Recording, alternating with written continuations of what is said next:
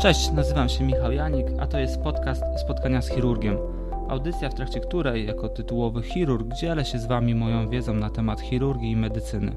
Jeśli jesteś pacjentem lub osobą zainteresowaną tą tematyką, to jest właśnie miejsce dla Ciebie. Serdecznie zapraszam.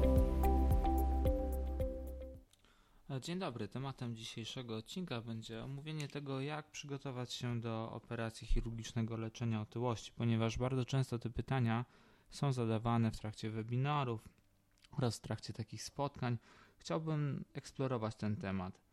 Myślę, że to, od czego trzeba zacząć, to jest wizyta u lekarza pierwszego kontaktu w celu takiej wstępnej oceny stanu zdrowia i generalnie przebadaniu pacjenta, ocenie tego, jak wygląda stan chorób przewlekłych, czy te choroby przewlekłe występują, czy wymagają one leczenia. E, w trakcie takiej wizyty pacjent na pewno będzie zbadany pod kątem masy ciała i lekarz będzie wstępnie w stanie ocenić, jak duży problem z nadmiarem masy ciała jest u danego pacjenta. W zależności od y, skali tego problemu, y, lekarz myślę, że powinien być w stanie omówić takie najbardziej istotne metody leczenia otyłości, nie tylko te chirurgiczne, ale także i zachowawcze a także będzie w stanie pokierować do dalszych e, specjalistów, co jest bardzo istotne. Dlatego, że jeśli lekarz pierwszego kontaktu stwierdzi, że faktycznie problem otyłości jest dosyć istotny i dodatkowo występują choroby przewlekłe powiązane z otyłością, w takiej sytuacji jest w stanie pacjenta przekierować dalej w kierunku na przykład e, zabiegowych metod leczenia otyłości, czy to byłyby endoskopowe zabiegi, czy już operacje chirurgiczne. To, co jest bardzo ważne, to w trakcie takiej wizyty można będzie również dokonać optymalizacji leczenia przewlekłych chorób. Jest to, nie, jest to szalenie ważne w momencie przygotowania bezpośrednio już do operacji, żeby wszelkie choroby przewlekłe, które pacjent ma, były absolutnie możliwie zoptymalizowane, zanim dojdzie do samego leczenia chirurgicznego. To, co jest też bardzo ważne, to to, żeby jak najszybciej rozpocząć współpracę z dietetykiem. O otyłości już rozmawialiśmy w poprzednich odcinkach i myślę, że wszyscy mają świadomość, iż tak jakby powstanie tego problemu jest to suma różnych innych drobnych problemów i nieprawidłowa dieta jest jednym, jedną z tych przyczyn, które przyczyniają się do powstania otyłości. Dlatego tak ważne jest, żeby już na wczesnym etapie walki z otyłością poddać się takiej edukacji dotyczącej zdrowych zasad odżywiania i te zasady jak najbardziej zacząć wdrażać. Oczywiście to nie jest łatwe i, i czasami brakuje gdzieś motywacji, dlatego że powiedzmy, jeśli jesteśmy już u progu takiej bardzo zaawansowanej otyłości, to wówczas nawet wdrażanie tych zdrowych zasad stylu życia i żywienia nie daje może takich efektów, jakich byśmy oczekiwali, i to sprawia, że jesteśmy zniechęcani do dalszych kroków. Natomiast jest to jedna z cegiełek, która później będzie w stanie zbudować nasz duży sukces zwłaszcza jeśli te nasze działania uzupełnimy o jakieś zabiegowe metody lub właśnie o chirurgię bariatryczną. Poza dietetykiem, bardzo ważna osoba w całym tym przygotowaniu jest to psycholog. Dlatego, że tak jak już powiedziałem, gdzieś w którymś momencie możemy być zniechęceni przez brak widocznych efektów w zakresie zmiany stylu życia. Dodatkowo wielu z nas, decydując się na walkę z otyłością, dokonuje tej decyzji w zasadzie w wieku, kiedy już jest osobą dorosłą i ma już pewne nawyki. Bardzo trudno jest walczyć z tymi nawykami, i właśnie tutaj często potrzebny jest psycholog, właśnie po to, żeby wspomóc nas w walce z tymi złymi nawykami, których powinniśmy się pozbyć. Takim, myślę, najlepszym przykładem jest kwestia kompensacji reakcji stresowych, i jest to chyba coś, co wielu słuchaczom będzie znane, czyli to jest moment, kiedy na przykład w okresie dużego stresu, kiedy mamy jakieś problemy, w jakiś sposób wynagradzamy sami siebie, sięgając po słodycze. Myślę, że na pewno część osób doświadczyła tego. Jest to właśnie jeden z takich popularnych mechanizmów kompensacji stresu. No i właśnie po co te konsultacje psychologiczne są? Właśnie po to, żeby nauczyć się, jak w inny sposób można walczyć sobie ze stresem i w jaki sposób można wyleczyć się z takich nieprawidłowych nawyków. Dlatego jak najbardziej uważam, że konsultacje psychologiczne przed samym podjęciem się e, leczenia zabiegowego, czy to za pomocą właśnie balona żołądkowego, czy endoskopowego sleeve'a, czy może już stricte chirurgii bariatrycznej, no jest bardzo istotnym elementem.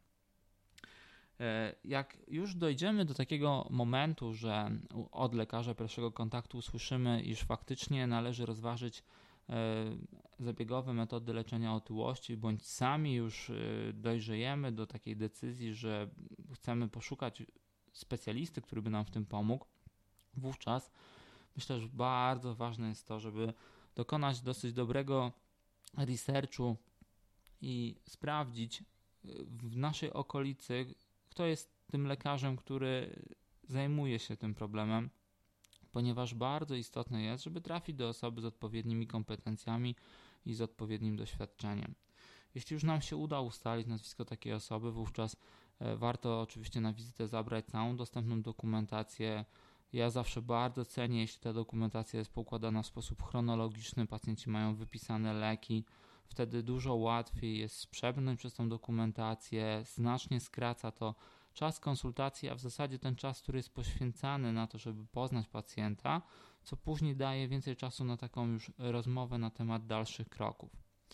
Najczęściej w trakcie takiej pierwszej wizyty, e, tak jak powiedziałem, ja lubię poznać moich chorych, dlatego zbieram z nimi dosyć obszerny wywiad, żeby móc zorientować się, na czym polega ich problem a później przedstawiam możliwości leczenia otyłości. Zawsze staram się być w 100% szczery z moimi pacjentami, dlatego staram się również przedstawić alternatywy, o, których nie, o które nie pytają. E, najczęściej pacjenci przychodząc do mnie są już nastawieni na to, żeby poddać się operacji, ale jednak zdarzają się sytuacje, kiedy po przedstawieniu wszystkich możliwych opcji leczenia otyłości pacjenci decydują się jednak na te opcje mniej inwazyjne.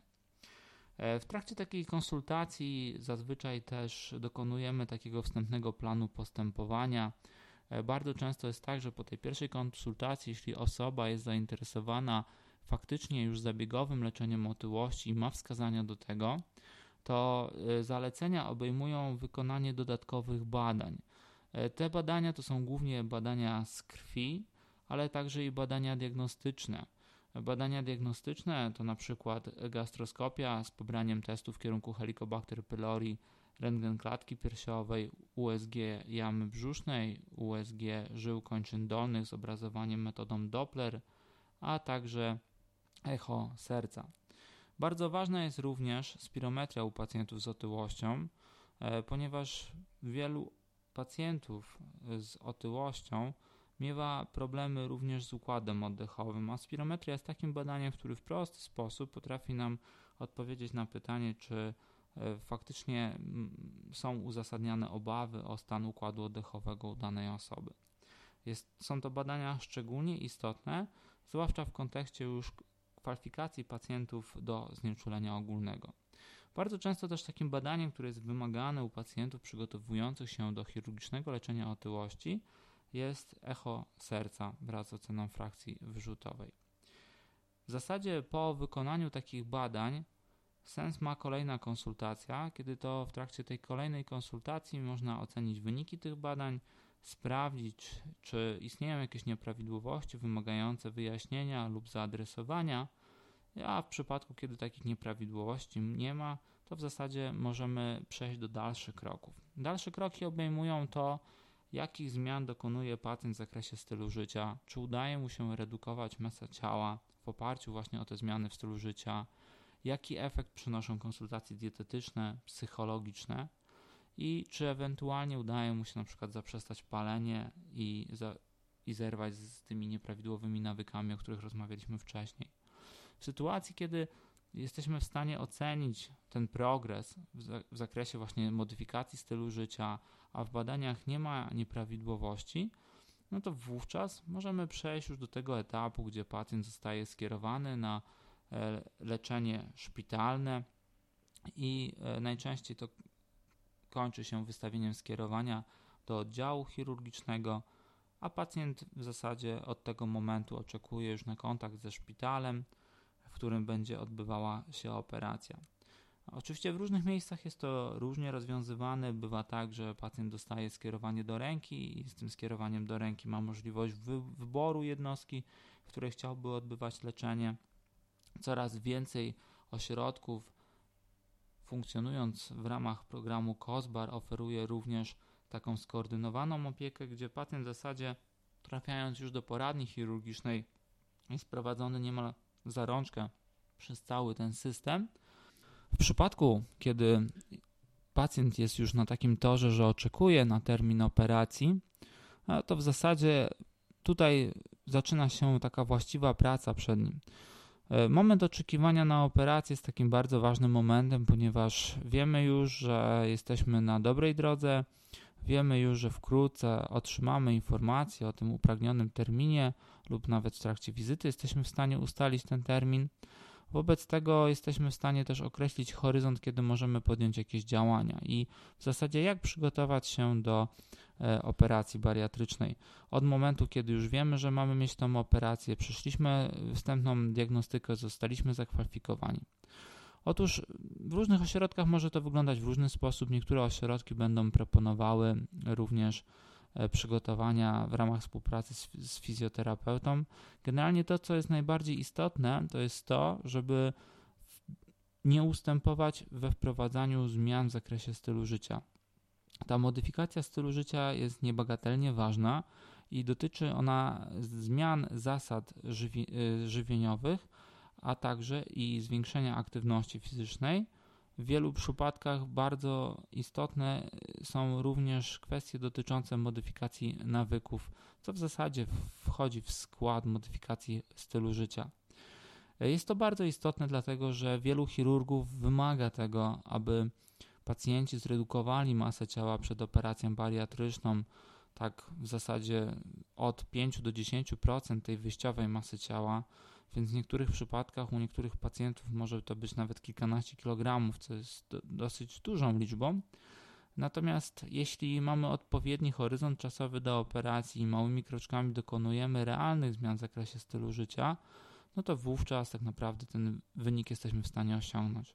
To, co jest bardzo istotne, to to, żeby nie być osamotnionym w tym procesie, z tego powodu warto zdać się tutaj na pomoc specjalistów, głównie mam na myśli dietetyków, psychologów, ale także i chciałbym podkreślić rolę fizjoterapeutów, którzy mogą zrobić bardzo dużo dobrego w odpowiedni sposób, przygotowując pacjenta do pobytu w szpitalu, do tego okresu okołooperacyjnego.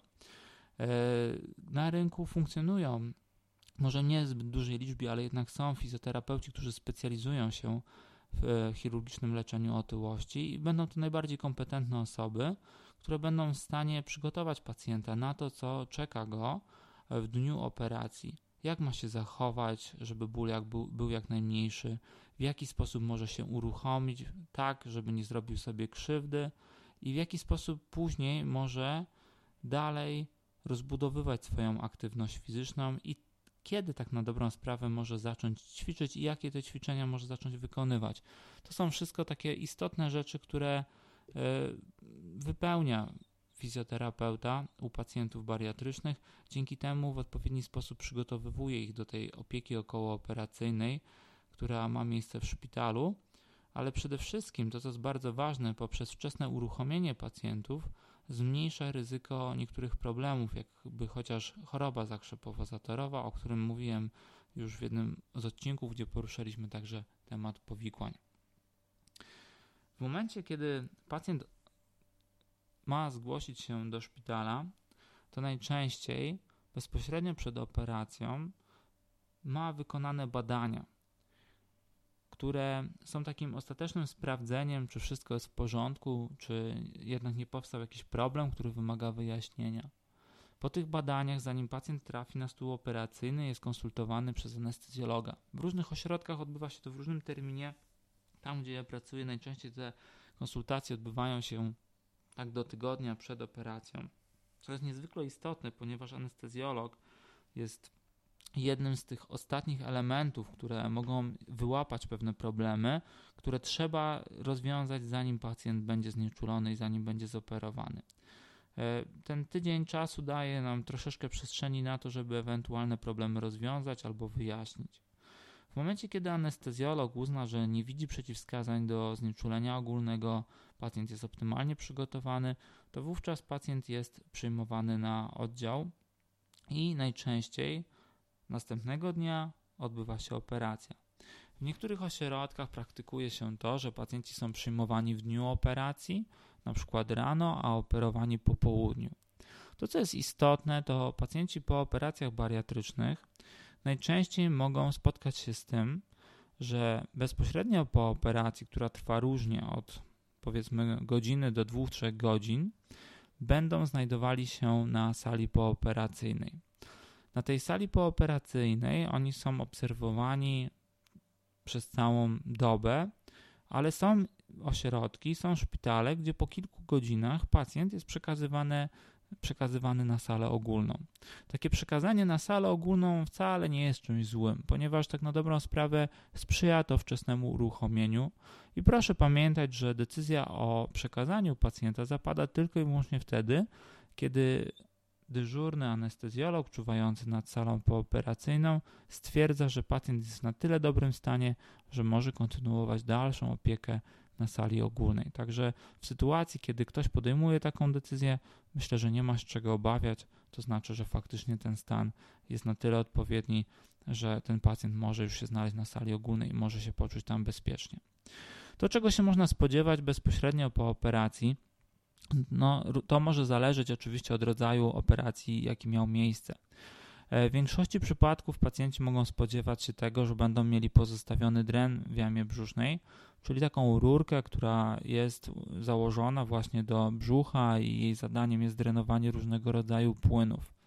Ta rurka, tak na dobrą sprawę, e, służy lekarzowi do tego, żeby miał pojęcie, co z tego brzucha wycieka, jaka to jest treść, czy to jest treść, która może mieć charakter krwisty, czy to jest treść, która może mieć charakter przytokowy.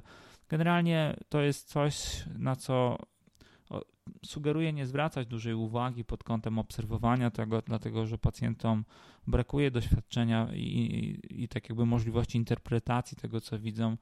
To jest tak na dobrą sprawę informacja bardziej dla lekarza, natomiast z punktu widzenia pacjentów no, obecność takiego drenu nie jest czymś przyjemnym, ponieważ te dreny niektóre bywają sztywne i mogą dawać dolegliwości bólowe, które polegają na takim podkuwaniu, ciągnięciu. Na szczęście w większości w większości przypadków takie dreny są usuwane następnego dnia. Najczęściej możecie spotkać się Państwo z tym, że następnego dnia po operacji dostajecie do wypicia błękit. Osobiście korzystam z tej metody. Jest to taka metoda, gdzie testuje się szczelność wykonanych zespoleń, ewentualnie linii przyszycia. E, sam test polega na tym, że pacjent spożywa około 50 ml błękitu, e, który, jeśli mamy przypadek nieszczelności, to bardzo szybko wypłynie do drenu. E, no i wówczas chirurg będzie miał jasną informację, że niestety, ale doszło do jakiegoś problemu w okresie pooperacyjnym, no i konieczne są dalsze kroki. E, najczęściej test jest szczęśliwie negatywny, błękit się nie pojawia i w takiej sytuacji dren jest usuwany. Po usunięciu drenu bardzo ważne jest to, żeby pacjent jak najszybciej uruchomił się. Oczywiście na początku to uruchomienie będzie uruchomieniem w obrębie łóżka. Należy przekręcać się z boku na bok, siadać na tym łóżku, spuszczać nogi, wiercić się krótko mówiąc. Natomiast w sytuacji, kiedy już pacjent poczuje się troszeczkę lepiej, no to wówczas warto jest stanąć. Najpierw proszę stawać obok łóżka, dlatego że po takim długotrwałym leżeniu e, układ krążenia działa w ten sposób, że bardzo łatwo dochodzi do takich spadków ciśnienia przy pionizacji. E, jest to tak zwana hipotensja ortostatyczna, no i wtedy można się osunąć. E, dlatego radzę zawsze, żeby przy tej pierwszej próbie pionizacji był ktoś na sali albo należy poprosić pielęgniarkę, żeby zaasystowała. Będzie to dużo bezpieczniejsze. Natomiast już po takich pierwszych próbach, kiedy te zawroty głowy miną, bo najczęściej to właśnie one będą obecne, no to należy nawet zacząć spacerować w obrębie łóżka. Na tyle blisko tego łóżka proszę być, że w sytuacji, gdyby gorzej się ktoś poczuł, to żeby mógł na tym łóżku sobie usiąść. A w momencie, kiedy już pacjent poczuje się pewniej, no to jak najbardziej zachęcamy pacjentów do tego, żeby spacerowali. Oczywiście trudno jest tutaj oczekiwać, żeby osoba po operacji e, zrobiła kilka tysięcy kroków, natomiast naprawdę im szybciej się uruchomicie Państwo, tym znacznie będzie to dla Was bezpieczniejsze. W sytuacji, kiedy pacjent po operacji jest dobrze kontrolowany bólowo, jest w stanie spożywać doustnie płyny, nie gorączkuje i jest uruchomiony, to jest już moment, kiedy można pomyśleć o wypisie. Dlatego najczęściej pacjenci po operacjach bariatrycznych bardzo krótko przebywają w szpitalu, ponieważ my bardzo dbamy o to, żeby oni jak najszybciej się uruchomili, jak najszybciej stanęli na własne nogi i jak najszybciej byli aktywowani. Osobiście większość moich pacjentów wychodzi następnego dnia po operacji, chociaż to zależy od tego, w których godzinach odbywa się operacja. Bywają często takie sytuacje, że jeśli mam wątpliwość, to pacjenta zostawiam jeden dzień dłużej, lub jeśli operacja odbywa się w godzinach popołudniowych, no to wówczas ten jeden dzień tak naprawdę zostawiamy chorego po to właśnie, żeby miał taki dzień na rozruch. Kolejna wizyta z lekarzem ma miejsce zazwyczaj po 14 dniach. Jest to taka wizyta, kiedy lekarz dokonuje oceny gojenia się ran i najczęściej usuwa szwy. Na tej wizycie najczęściej pacjenci mówią, że są w stanie już wykonać około 4 do 7 tysięcy kroków, co mam nadzieję, że da Państwu wyobrażenie, jak szybko można powrócić do takiej codziennej aktywności po operacji bariatrycznej. W zasadzie to byłoby tyle, jeśli chodzi o przygotowanie y, do operacji bariatrycznej. Bardzo dziękuję i zapraszam na kolejne odcinki.